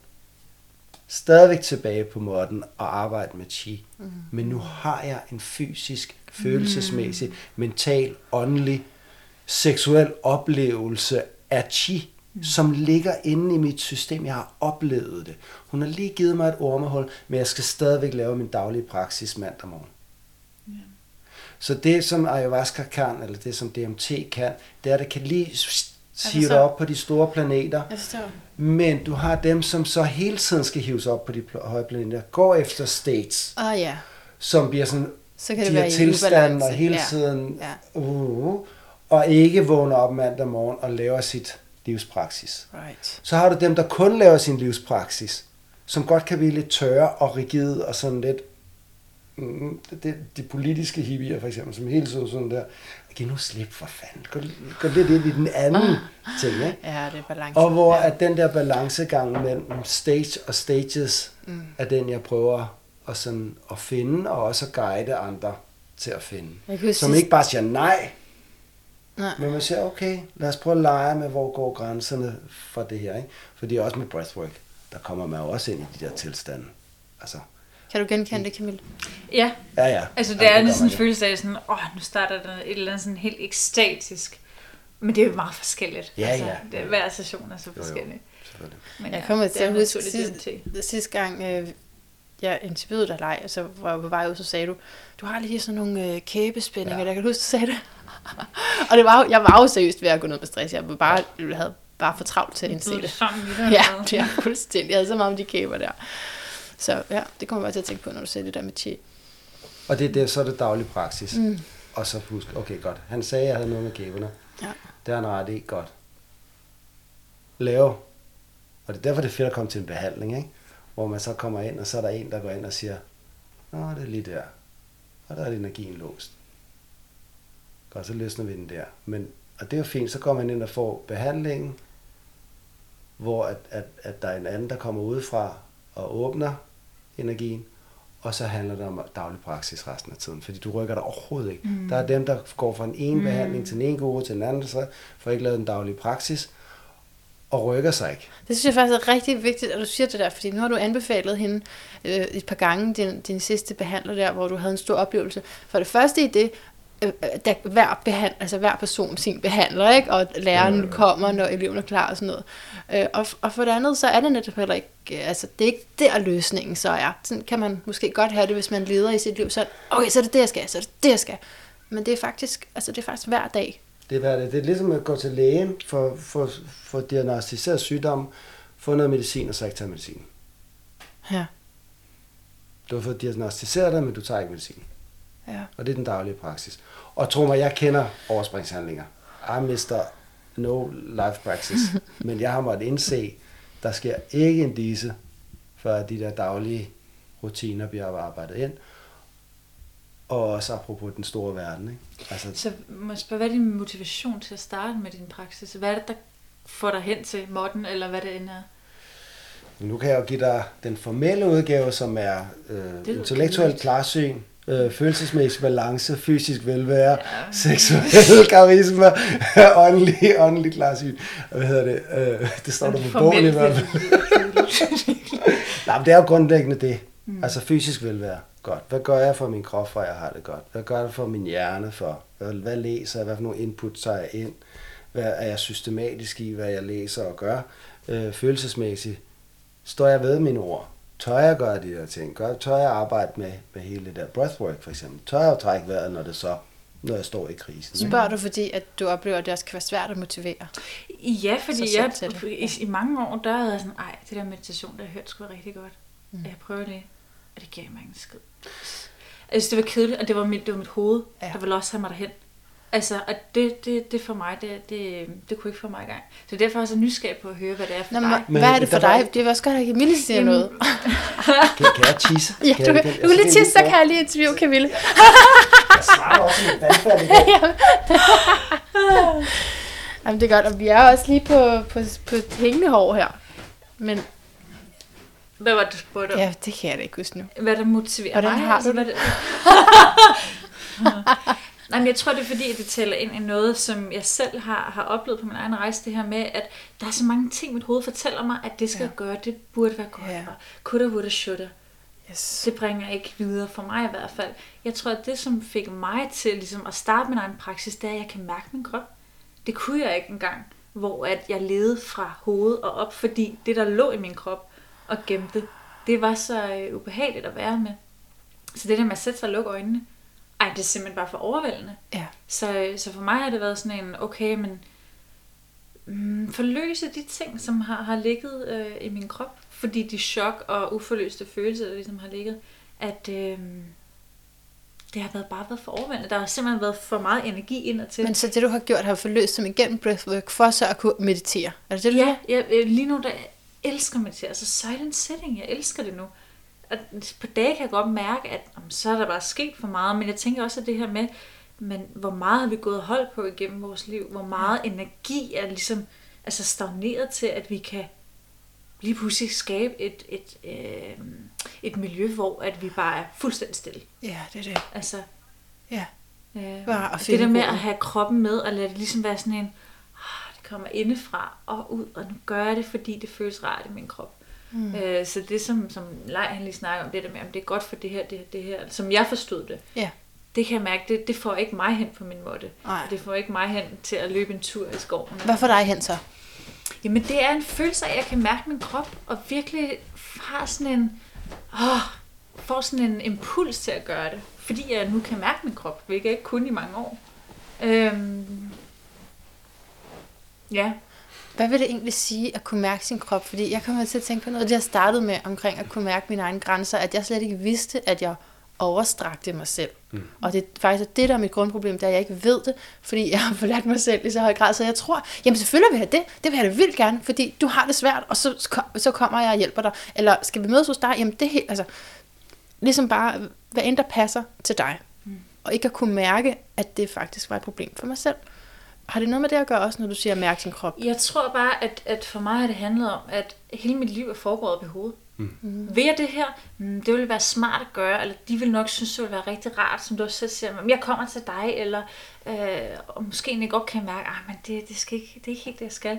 Men efter jeg ligesom sådan har en følelse af, at jeg skaber space indad til ved at, at forløse og være så meget i kontakt med de ting, jeg ikke har haft mulighed før i mit liv, øh, kan jeg ligesom åbne op. Jeg ligesom skabt broen til min krop til at sige, jamen er der en eller anden situation, hvor jeg kan mærke det her, det er off, så har jeg sådan en, så kan jeg faktisk mærke, at min krop den spænder op. Øh, jeg kan mærke det i min mave, jeg kan mærke, at min hals snører sig sammen. Så det er det der at mærke mine fysiske fornemmelser, hvor jeg førhen ikke har kunne mærke det. Så jeg bruger det i dag som et, en, et pejlemærke om, at jeg vil overtræde mine egne grænser. Ja. For jeg ved, når jeg overtræder mine egne grænser, nu har jeg også arbejdet meget med grænsesætning i forhold til breathwork og trauma release, fordi igen, hvad sker der, når vi er udsat for et traume? Der er altid en eller anden form for, for overskridelse af grænser. Om det så er for andre, øh, eller det er noget i en selv. Men der er altid en grænseoverskridelse. Og jeg har simpelthen lært at mærke, at, at når jeg overskrider mine egne grænser, eller jeg er lige ved det, så mærker mærker, du jeg, så mærker jeg, at min mave den spænder op. Mm. Og jeg Okay. går sådan her. Okay. Ja, ja, ja. okay. For nogle er det mere sådan en, det arbejder vi også nogle gange med på retreats, at, at vi ligesom laver de her grænseøvelser, for nogle det med, at de kan mærke det op i halsen. Opkastfornemmelser, ja. Jeg bliver kvalt. Ja, ja. Så det her med ligesom at lære at mærke, hvad er det for nogle signaler, der kommer. Og jeg tænker, det handler også om at have space til det. Space indadtil, men også space til ligesom at kunne mærke det, at vi ikke har tusind ting på programmet. Ja. Øh, men for nogle er det bare skidesvært, fordi man aldrig har... Et, Det er jo jeg ikke det, vi tror er ikke, at vi vokser så meget. Mange af os i hvert fald ikke vokset Nej, med det er ikke at det. kunne lære at mærke vores krop, fordi øh, som børn er vi måske begyndt at græde, eller vi har været sure. Lad være med at skabe dig. Eller hvad vi nu end har fået at vide. Der Ja, er nogle følelser, der ja, ikke har været okay. ja, ja, så, ja, nå, ja. så den impuls, jeg har mærket som barn, Ja. den har jeg ikke fået lov til at udtrykke, eller jeg har ikke fået, altså jeg har ikke fået lov til at stole på den og udtrykke den. Right. Så gemmer jeg det væk. Right. Øhm, Jeg tænkte også Så- på i forhold til, når Leif taler om de her euforiserende, eller vi, jeg bidrager en lille smule med at tale Medicin. om det. Medicin. Natur, plantemedicin. medicin. Hvad, øh, du, har, du er jo kakao facilitator, eller kakao. Mm-hmm. Jeg vælger det helt kakao. Ja. Så vi snakker om Som, oh boy, kakao. Ja, det er det. Så det er, ja. Det troede jeg, at det, men nej, det var ikke helt det samme i, i starten, da jeg hørte det. Øhm, det hjalp ikke at drikke mere kakaomælk. Men, men så, så hvad, kan du se en sammenhæng? Altså, giver, giver det noget? Altså, jeg synes faktisk, at det har været en af de gode Har du prøvet det? Ja, flere Du har gange. Og jeg, til jeg har været til ceremonier, og jeg bliver, bliver, altså, bliver helt høj. Ja, ja, det gør jeg. Ja. Nå, okay, jamen det, jeg behøver, Ja. så tænker jeg, jeg behøver Så slet ikke at ikke tror overraske. det, på, at det bliver høje. Nå, okay. Ja, og man skal også lige passe på at tage det der hype ud af det, fordi jeg husker på et tidspunkt, der, når der var en journalist, der spurgte, jeg bliver høj af det, gør man ikke? Jo, det kan man godt gøre, men der er også andre ting i det, ikke? Sådan, så vi ikke Du kun skal, se, fokuserer på du skal det. se en video, der ligger med Camille på internettet. Ja. hvor du er på Eko TV, og så er du bare sådan her, kakao, mamma. Ah, og de er virkelig det, ja, de prøvede sådan meget at, at i, i scenesætte det her meget mystiske. Men jeg synes faktisk, de gjorde det med, med god respekt. Egentlig. Det var meget skal de jo også gøre noget, der, der virker tiltrækkende, men jeg synes også det med respekt for, at jeg sagde til dem, prøv at høre, det er ikke fordi, at man skal... Altså, jeg tænker, hvad en spirit kalder jo, hvis man har brug for at være high, og så man hellere vil drikke kakao, end man vil tage til LSD, så, så er det måske det, folk har brug for. Ikke? Men hvad er det så, du siger? Men. Ja, hvad fanden er det, jeg siger? Ja, hvad er det, du er, siger? det er også unfair at sige høj. Det er faktisk unfair. Du, får, du får blusende kender. Øh, det er lidt den der runners high også. Ja, du, det, det er sådan bare øh, oxytocin og dopamin, der bare sådan begynder. Og så er det også alt efter, hvad du laver. Fordi jeg har både lavet det med massage, mm. hvor man drikker kakao og sidder i cirkler og masserer. Og så har jeg prøvet med dans. Og så har jeg også immer væk prøvet det med onani. Ej, Jo, Men det er også vi har prøvet, vi har prøvet halv, øh, jeg tror 250 mennesker med self-pleasure Ja. i Engsparken på kakao. Ah. Det er sparket røv, mand. Men det har jo været, altså, det har jo flere forskellige måder at gå ind og virke på. Du ser helt jeg får, jeg får diarré af det også. Jamen, så er det nok, vi skal drikke en lille smule. Jamen, det- det gør jeg, er fordi- System? Fordi Det siger sætter gang i... de der facilitator, de har tit lavet for meget. Og så siger de, hvis der er nogen, der vil have mere, og så gør jeg bliver jeg bare ved. Fordi jeg Ja, tænker, jeg skal okay. have mest muligt. Så der, Så er, der er et det eller andet, det der, altså, skal du have en, have en masse for at kunne mærke dig selv bedre? Jamen, jeg tænker også lidt, lidt, lidt Vi har fundet din, Ja, kom- kom. vi har fundet din karakter, du er den orale. Det tror jeg Du på. Jamen, også, det kan også du godt være en- helt op, da du sagde, da det var det der orale der. ja, ja. Ja, men jeg tænker også, at det, det er noget, jeg selv genkender for mig selv. At det her med, at, at jeg skal, skal, det skal være intenst, så jeg kan mærke mig selv, at jeg kan føle mig i live. Jeg ved ikke, om du resonerer med det. Det var bare det, der kom til mig, nemlig det her med, at jeg skal have mere, Jo, så jeg kan mærke det. jo Jeg skal lave en masse, så Ja, jeg ja. kan mærke Jeg er jo ikke sikker på, at jeg bare kan mærke én kop. Det ved jeg jo ikke. Jeg har jo kun prøvet med fem af gangen, faktisk. Altså, jeg, jeg tror, fordi jeg har, jeg har tit lagt mærke til, når man laver... Fem kopper ad gang. ja. Ej, fem, det var, det, det, Over en- over en diarré, aften. Men, og så lige det pisse dyrt. Hvad hedder det? Øh, nej, men, men det er jo meget sjovt også, fordi der er nogen, der virkelig ikke kan lide det. Altså, fordi de har, åh, varm kakao, fedt, drik, og så, øh, fordi det smager ikke sådan synderligt godt. vel? Nej, det gør det ikke. Ikke- Med mindre man drikker hos mig, men ja. Åh. Hvad har du, hvad har du for en særlig opskrift? Men de fleste steder, der putter de jo ikke honning eller øh, noget sødt i, Gør så du det det har den der bitterhed, Jeg ikke? kommer dadel af. Du kommer der. Men det er også fordi, dadel er super godt for det meditative fokus. Ah, okay. En dadel per kop. Åh, oh, så bliver jeg helt Så det er super godt at, øh, Ah, okay, at den giver, meditere. den giver god mening. Ja. Men, der har jeg lagt mærke til, når man, når man øh, så sådan går og samler ind der, så er der faktisk rigtig mange, der ikke har drukket deres kakao. Bare måske bare har nippet til det. Ja. Men de drøner jo stadigvæk rundt som en skoldeskiv. Fordi at der er noget, vi bliver... At, øh, Influeret af hinanden, Gruppen, yes. du bliver høj, og Yes. fordi det er jo, det, altså kakaoen gør jo ikke synderligt meget. Det, det er jo dit eget system, der ligesom bare bliver sat i gang. Ja. Og når du så er sammen med andre, der bliver høje, så bliver du ligesom med høj mm. i det. Men det minder mig lidt om det, vi snakker om i starten, det der med det kollektive eller det individuelle. Ikke? Altså, at en mærker det, den anden mærker det, dum, dum, Dum, dum. dum, dum. Og så tror jeg nogle gange, at det heller ikke er nødvendigt at drikke kakao. Og man bare meditere over det. Ja. Jeg kan nogle gange godt få det chills af det. Sådan, det er sådan, Ja, ja, er det det, sætter i gang i et eller andet for mig. så det er lidt ligesom det med den 10-åbning der, Lej havde på samme måde. Du ved, du kender allerede til den åbning, og så kan du, så ved du, at den er tilgængelig for dig, mm. uden at tage kakaoen. Det er ikke noget, jeg ved. Jeg tror bare, det er noget, jeg t- prøver at tillade mig selv. Mm. At være åben over for det, og det er forskelligt fra gang til gang. Right. I to. Vi er lige ved at runde af, og jeg vil bare lige spørge det sidste standardspørgsmål. Hvad er din lyd af et bedre liv til det sidste spørgsmål? Og det har jeg glemt at skrive i noterne, men du er, du er i gang, Camille. jeg Jeg trækker har Det så er ventet på det der, er der kosmisk matematik, eller hvad var det, du havde skrevet? Og hvad er, i, det, øh, hvad er det for et spørgsmål? Det var noget med, om der var en... Jamen det, jamen det var fordi, du skrev, til, så skrev du tilbage, det skulle jeg vente lidt med, og, spørge, og det var, blev for individuelt. Nej, nej, det var mere et eller andet med, at det ville være benhårdt at starte med, at der er en kosmisk intelligens, højere kosmisk intelligens, og så bevæger vi os ned, hvor jeg tror, at det vil dramatisk set ville være bedre at tage livet, og så slutte af. Okay, med, jamen så har jeg et rigtig godt spørgsmål. Så hvad Tror du, du-? Jeg tror du, der er et guddommeligt, kosmisk og intelligent design bag alt Det er det spørgsmål, jeg har skrevet. Og du spørger mig. Jeg spørger dig. Ja. Sådan. Godt. Ja. Nå, det, altså, det er jo, når man... Det er, meditationer og ayahuasca har vist mig sådan mine egne billeder, og øh, da jeg åbnede, det var tilbage i, i 99, ah, 2001, åbnede Neil Donalds Wash bøger. Og der var der en meget fin Det er det her historie. samtaler med Gud. Samtaler med Gud, som er sådan, det er børnebøger. Altså, men, men faktisk noget af det, der ligger dybest inde i mit Mhm, system mm, omkring den lille flamme, der sidder inde i solen og bliver taget ud i mørke og kommer tilbage igen. Så er sådan en lille børnebogs historieagtig ting, som er min mening med livet. Øh, men i forhold til at forstå kvantefysikken og forstå hele det her univers, som, som, som videnskaben er på vej ind i forhold til intelligent design, er det spændende med, at, at den fysiske verden ikke eksisterer. Og det hele bliver skabt Ja. øh, undervejs af superstrengs, øh, altså hele superstrengsteorien osv. Øhm, og under ayahuascaen, der havde jeg, fik jeg sådan en fysisk oplevelse, som kun er min. Og det er også det, der er så sindssygt vigtigt, fordi apropos de fire kvadranter, ikke? spirituelle oplevelser er kun dine. Ja. Og vi har set, hvor galt det er gået i alle religioner, hvor der er en mand, der har taget sin egen spirituelle oplevelse, mm. om det er Mohammed, eller Buddha, eller Jesus, eller Moses. Den der katastrofale overlevering af en individuel oplevelse til det kollektive, som nemt kan rive op i, Ja. i det konkrete, hvor man siger, sådan her er det, fordi jeg har haft den oplevelse. Meget fint sagt, ja. Så, ja. så, så det spirituelle, det er jo også Guds gave til os, at det er, at vi har det her indre univers, som vi ikke kan dele med andre. Men så siger du, du havde den oplevelse.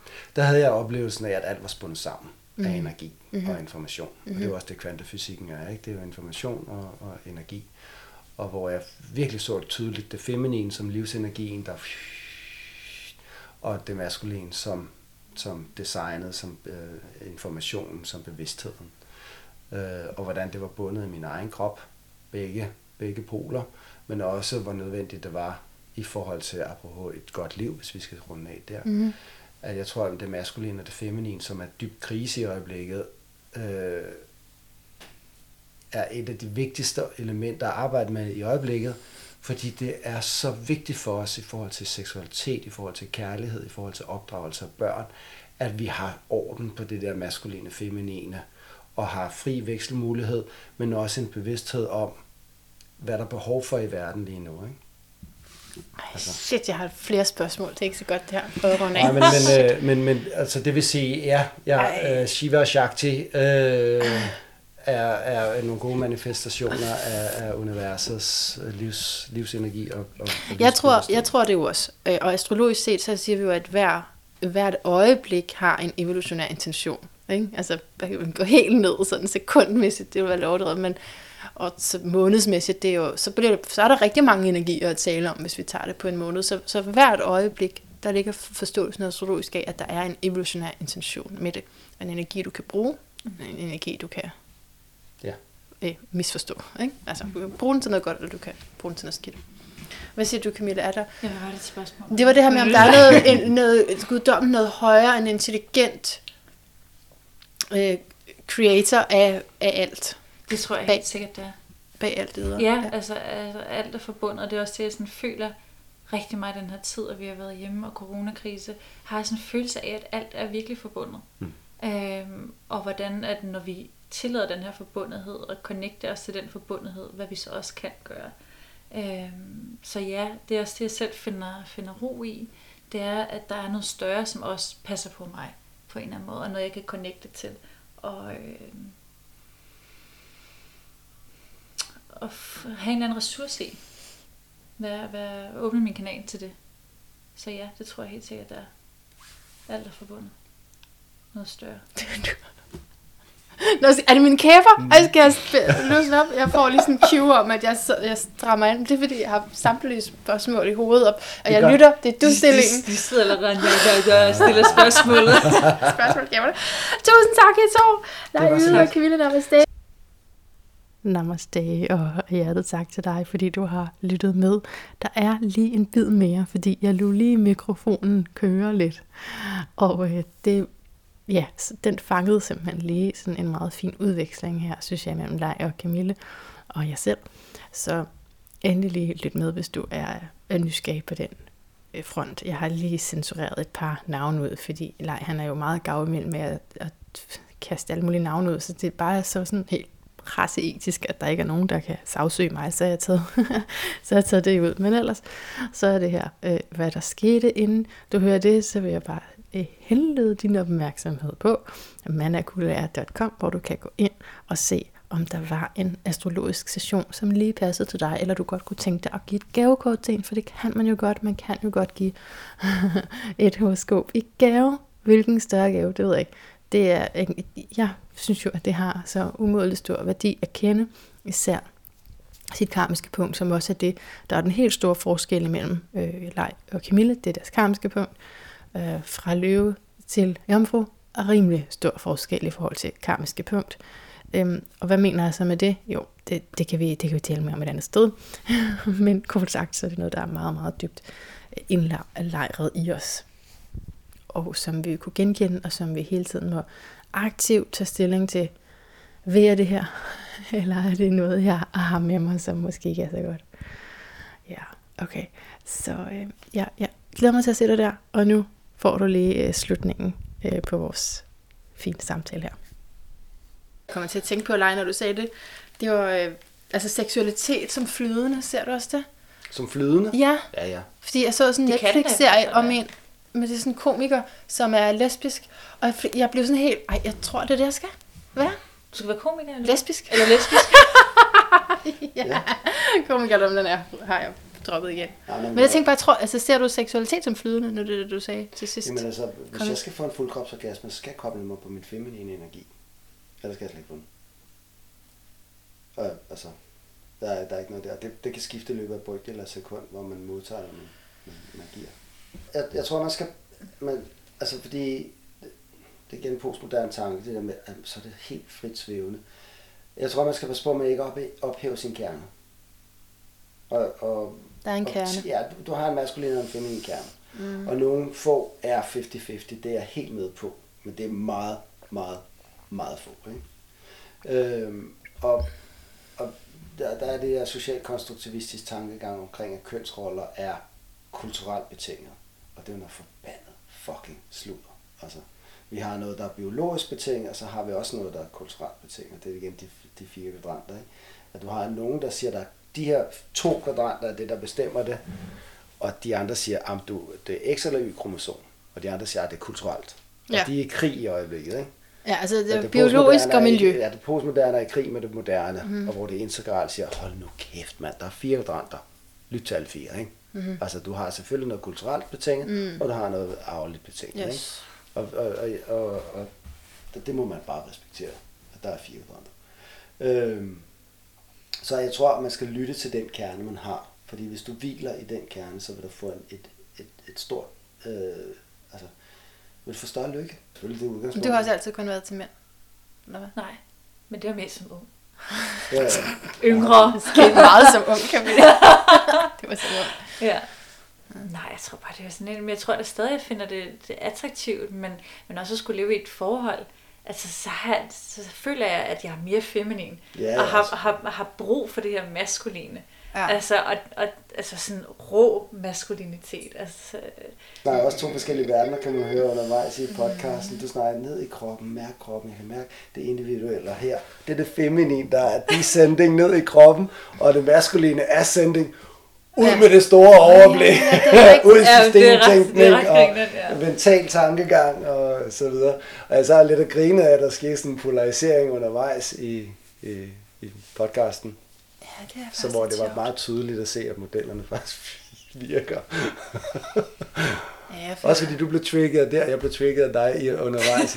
Åh, gjorde I det? Blev jeg trigget af ja, jeg blev lidt trigget, men jeg tror også, det er, fordi jeg havde sådan en følelse af, øh, at øh, det var det var meget... starten. Jamen, Jeg men tilgav det, mig er undervejs. det ved du da ikke. Dine handlinger blev i hvert fald anderledes. Jeg, jeg havde lyst til at spørge dig, hvad er din del i det her? For du snakker meget om, hvad der sådan er ude i verdenen. Jeg siger, hvad er din del i det her? Øhm, Men du kan godt se, så har du behov for hele tiden at være i den ene kvadrant. Hvor jeg vil gerne fortælle, hvad der er i min kvadrant. Jeg er helt åben og ærlig omkring alt, hvad der er i min kvadrant. Mm-hmm. Hvis jeg kan se, at det kan bruges i vi-kvadranten. Prøv lige at sige noget mere om det der med, at du blev trigget. Jamen det er fordi, jeg kan mærke, at det er sådan en ting, jeg sådan...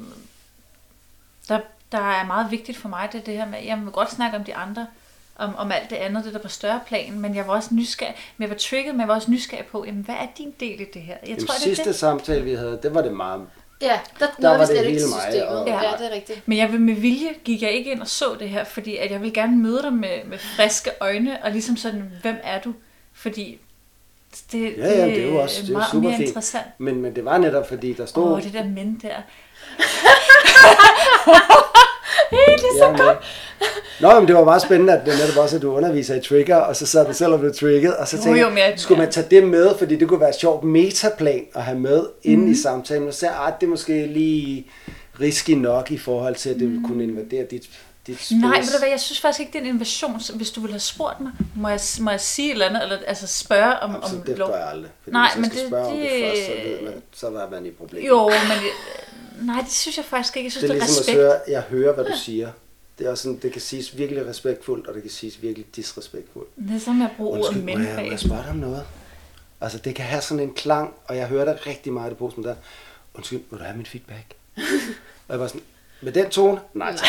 altså, øh, må jeg spørge dig om noget? Øh, nej, det tror jeg ikke, fordi hvis du skal spørge mig før, så er der et eller andet, så er du ikke tunet ind på, hvad fanden det er, du vil. Hvor et ægte spørgsmål kommer jo ud af et ægte, øh, at man har følt ind i, at det grænseoverskridende er det på sin plads. Og hvor man også tager nogle chancer. Så det der med at dele sit personlige, det vil jeg meget gerne. Men kun hvis jeg kan se, at det kan bruges i de tre andre kvadranter. Mm. Ellers er det fuldstændig ligegyldigt at høre min historie. Men jeg beundrer, jeg beundrer din, øh, din, dit overblik. Det føles for mig som et overblik. Om at, overblik. At, ja, Ja. overblik. Ja. Øhm, at sige, men hvis det ikke er sådan og sådan og sådan, så deler jeg det ikke. Ja, jeg tror, jeg er mere sådan, Nå, men føles det godt, så siger jeg det. Hvis, jeg, hvis det føles rigtigt, hvis det kommer indenfra, så spørger jeg. Altså, man er Ja, også er bevidst om, er det fordi, hvad er det, der driver mig, når jeg spørger? Eller siger det. Ja, det spurgte mig også om på et tidspunkt. Hvad, hvad var grunden til, at du sagde det? Jeg kan ikke huske, hvad det var, jeg sagde. Hmm. Men det er jo også fordi, der kan, du, der kan man høre, der var det egoet, der kommer i spil. Og, og så plukker man egoet. Det er jo ret spændende. Men er, er, er, er det tilladt i en podcast, for eksempel, at plukke en andens ego? Det kommer ind på, hvordan man gør det, tænker jeg, hvis det er med respekt, og det er med sådan en, en nysgerrighed. Det er det i hvert fald det keyword er for mig, at det er nysgerrighed. Eller er det fordi, du gerne vil hæve dig over noget, Ja. eller gøre den anden mindre? Ja, ja. Altså, så synes 100%. jeg ikke, det er okay. Men, øh, men altså, ja. Men det der med, øh, med det der med at tale ned, altså jeg har det sådan, jamen altså, det Borsen der har talt ned om Trump, og det er ligesom tilladt, fordi han er der, hvor han er. Altså, men, men der, er- så der er sådan en dobbeltmoral hele tiden, ikke? I det postmoderne. Hvor man ikke må tale ned om andre, og man må ikke tale osv. osv. Men man må godt latterliggøre Mm. folk, der er nede i spiral, helt nede i spiralen. Ikke? Øh, og det er der, hvor vi skal, vi skal videre nu.